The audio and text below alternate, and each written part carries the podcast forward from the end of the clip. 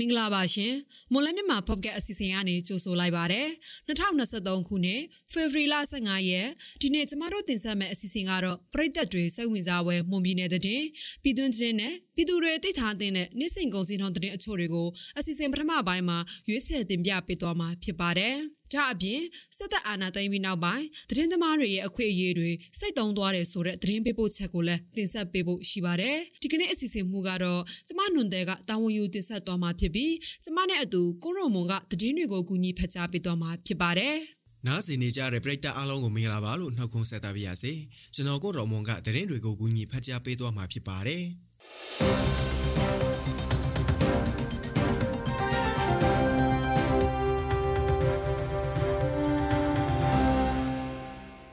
မွန်ပြည်နယ်မှာပြီးရတဲ့6လအတွင်းခွေးယူကိုက်ခံရသူ60ဦးအထိရှိခဲ့ပြီးကလင်းငယ်တအူအသက်သေဆုံးခဲ့ရတယ်လို့မွန်ပြည်နယ်ပြည်သူ့ကျန်းမာရေးနဲ့ကုသရေးဦးစီးဌာနရဲ့ထုတ်ပြန်ထားတဲ့စာရင်းအရသိရပါတယ်။ခွေးယူကိုက်ခံရသူ68ဦးဟာပေါင်မြို့နယ်မှာ45ဦး၊ချောင်းဆောင်မြို့နယ်တွင်9ဦး၊မော်လမြိုင်မြို့နယ်မှာ30ဦး၊မူးတုံမြို့နယ်မှာ4ဦးနဲ့ဘီလင်းမြို့နယ်မှာတော့2ဦးဖြစ်ပါတယ်။ခွေးယူအကိုက်ခံရသူတွေကို ခွေးယူပြန်ကာကွယ်ဆေးအာဝီနဲ့ခွေးယူပြန်ကာကွယ်ဆေးပတိပစ္စည်း RIG ကိုအချိန်မီထိုးနှံနိုင်ခဲ့တဲ့အတွက်လူနာ65ဦးမှာအသက်ရှင်ခဲ့ပေမဲ့ကာကွယ်ဆေးအချိန်မီမထိုးနိုင်ခဲ့တဲ့ဘီလင်းမြို့နယ်စောက်တော့ကျေးရွာအုပ်စုမုတင်ကျေးရွာမှာကလေးငယ်တအူးကတော့အသက်သေဆုံးခဲ့ရပါတယ်။လက်ရှိအခြေအနေအရခွေးခေါင်ရည်ရဲ့80ရာခိုင်နှုန်းကိုကာကွယ်ဆေးမဖြစ်မနေထိုးနှံဖို့လိုအပ်နေပြီးနေအိမ်မှာမွေးမြူထားတဲ့ခွေးတွေကိုလည်းပိုင်ရှင်တွေကတာဝန်ယူပြီးကာကွယ်ဆေးမဖြစ်မနေထိုးနှံကြဖို့လိုအပ်တယ်လို့ကျန်းမာရေးဌာနကပြောဆိုထားပါတယ်။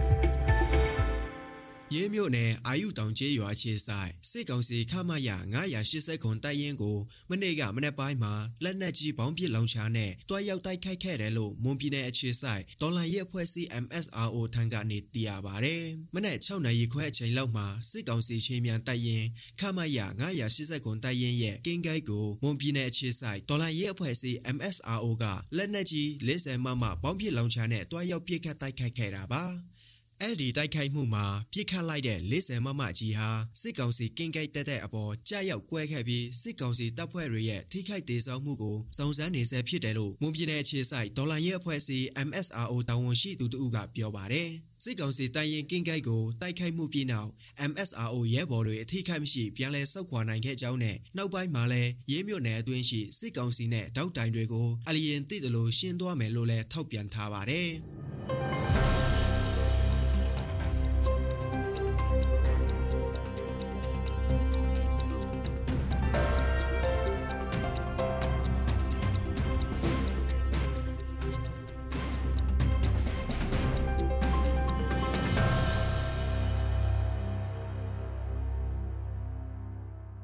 ဆက်လက်ပြီးပြည်သူတွေသိထားတဲ့နေ့စဉ်ကုန်စည်နှုန်းတဲ့အချို့ကိုမော်လမြိုင်ကုန်စည်တိုင်းကအချက်အလက်တွေကိုအခြေခံပြီးကျမနွန်တယ်ကတင်ဆက်ပေးပါအောင်မယ်ဒီကနေ့ထိုင်းနဲ့မြန်မာငွေလွှဲနှုန်းကတော့ထိုင်းဘတ်84.8ခုနှစ်ဝယ်ဈေးရှိပြီးတော့ရောင်းဈေးက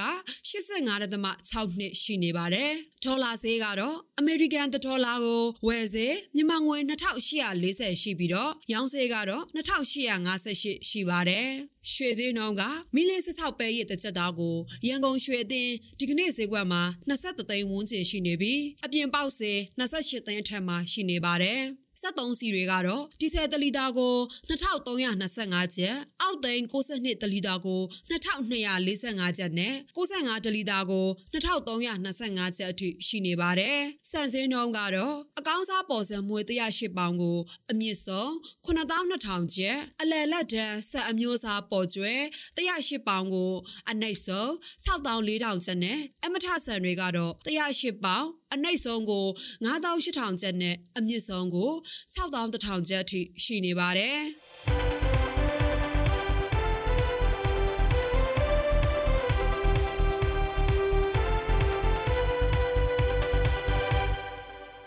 အခုတင်ဆက်ပေးသွားခဲ့တာကဖေဖော်ဝါရီလ15ရက်နေ့မှာဖြစ်ပျက်ခဲ့တဲ့မွန်ပြည်နယ်တည်ပြည်တွင်းတည်နဲ့အာဆီယံတည်တွေအပြင်တနေ့တာစီစေးငွေစေးနဲ့ကုန်စည်နှုန်းတွေကိုတင်ဆက်ပေးသွားတာဖြစ်ပါတယ်။ စစ်အာဏာသိမ်းပြီးနောက်ပိုင်းသတင်းစာတိုက်အချို့ကသတင်းသမားတွေအပေါ်ဖိနှိပ်ချုပ်ချယ်ချင်းချောက်မှုကြောင့်သတင်းသမားတွေရင်ဆိုင်ကြုံတွေ့နေရတဲ့သတင်းရည်သားမှုလွတ်လပ်မှုအခက်အခဲနဲ့စိန်ခေါ်မှုအခြေအနေတွေဆိုတဲ့သတင်းပေးပို့ချက်ကိုရွှေဝါကတင်ဆက်ပေးပါမယ်။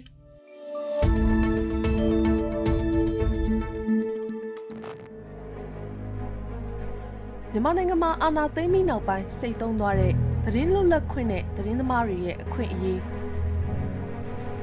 တော့လုံရှင်ရတယ်ဟိုဒါတော့မှတော့သဘောမတူဘူးဆိုတဲ့လို့ဆိုသူလိုက်မပို့နိုင်ဘူးလေအဲ့လိုဆိုအမအခက်အခဲဖြစ်သွားတာပေါ့နော်အဲ့ဒါဟိုဒါဒီလမ်းကြောင်းကဟိုအနေများတယ်လုံခြုံရေးအနေနဲ့ပဲအရေးကြီးရယ်ပြီးတော့ငွေကြေးလည်းရများတယ်ဒါပေမဲ့သူ့တော့ပတ်စံမပေးရပြီပါဘူးဆိုတော့ငွေကြေးရတာမဆုံးရှုံးဆိုဆိုပေမဲ့လို့ကိုယ်အနေနဲ့ဟိုငါဒီလမ်းကြောင်းကိုသူသူလည်းမဟုတ်ဘဲနဲ့တခြားလူနဲ့ဆက်သွားရင်တော့မှ လုံခြုံပါမလားပေါ့နော်ဆိုရဲစိတ်ကြီးဝင်သွားတာပေါ့နော်အခုပြောပြသွားတာကတာမန်ပြည်သူမဟုတ်တလို့စက်ယုံအလုပ်ယုံကအလုပ်သမားလည်းမဟုတ်ပါဘူး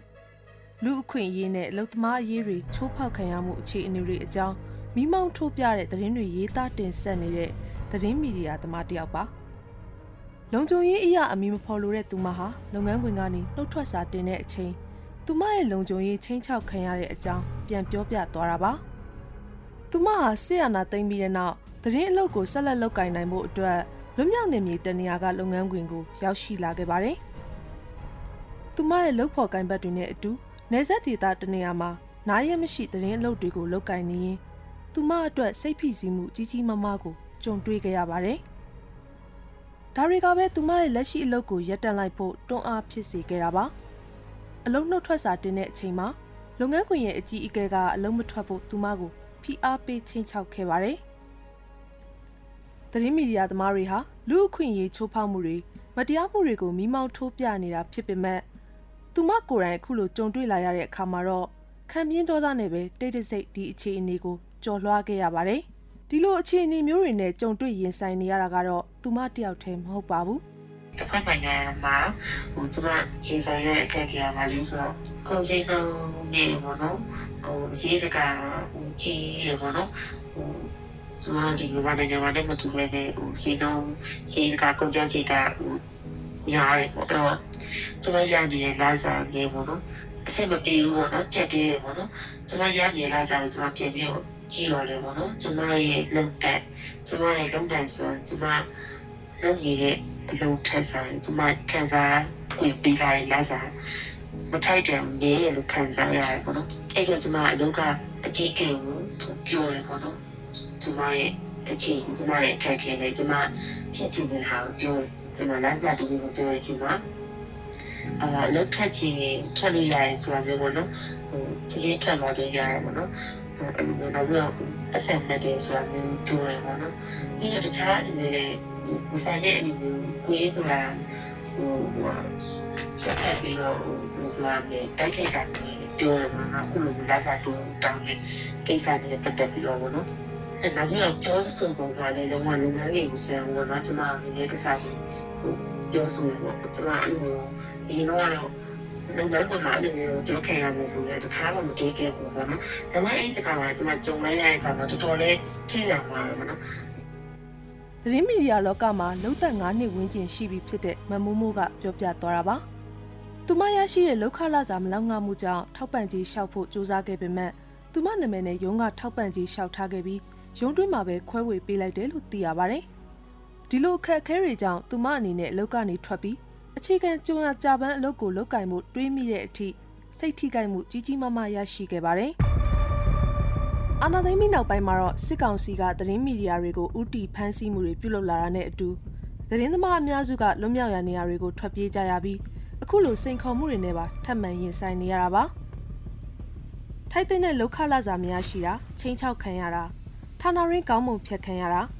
ကျွမ်းကျင်ရအလုံးမဟုတ်ပဲလိုအပ်တဲ့အလုပ်မျိုးကိုဝင်ရောက်လုပ်ကင်နေရတာ လုပ်ငန်းခွင်နဲ့မသက်ဆိုင်ပဲစုပူကျိမ်းမောက်ခံရတာတွေလည်းရှိတယ်လို့သတင်းသမားတချို့ကပြောပြကြပါတယ်ဒီလိုအခွင့်အရေးချိုးဖောက်မှုကိစ္စရပ်တွေအတွက်အရင်ကတိုင်တန်းလို့ရမယ့်နေရာဌာနတွေရှိခဲ့ပေမဲ့အာဏာသိမ်းပြီးနောက်ပိုင်းမှာတော့ဒီဌာနတွေဟာကွဲပြောက်သွားခဲ့ပါတယ်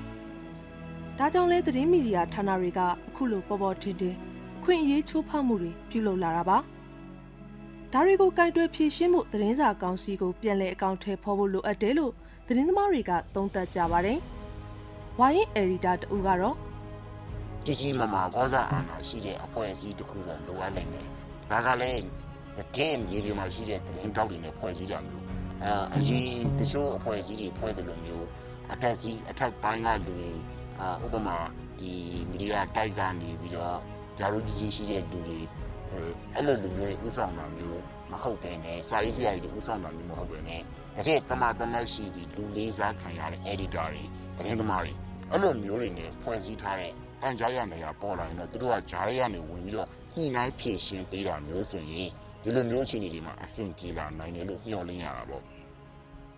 လက်ရှိချိန်မှာတော့စစ်ကောင်စီရဲ့လက်အောက်ခံစာနယ်ဇင်းကောင်စီရှိနေပေမဲ့သတင်းသမားတွေအတွက်အထောက်အကူပြုမနေပါဘူး